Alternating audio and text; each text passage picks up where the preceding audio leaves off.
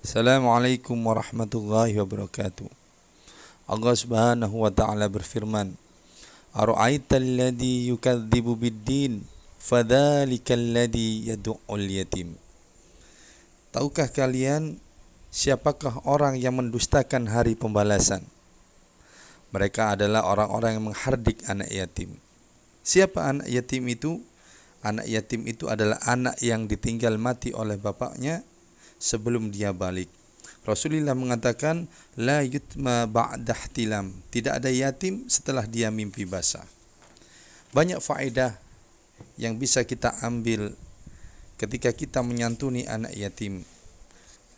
Salah satu faedah, salah satu kemuliaan yang diberikan oleh Allah Subhanahu wa taala yang disampaikan melalui lisan Rasulullah sallallahu alaihi wasallam orang yang menanggung anak yatim akan bertetangga dengan Rasulullah sallallahu alaihi wasallam di surga kelak. Rasulullah sallallahu alaihi wasallam mengatakan ana wa kafilil yatim fil jannati hakada. Aku dan orang yang menanggung anak yatim di dalam surga seperti dua jari ini sangat dekat dengan Rasulullah Sallallahu Alaihi Wasallam.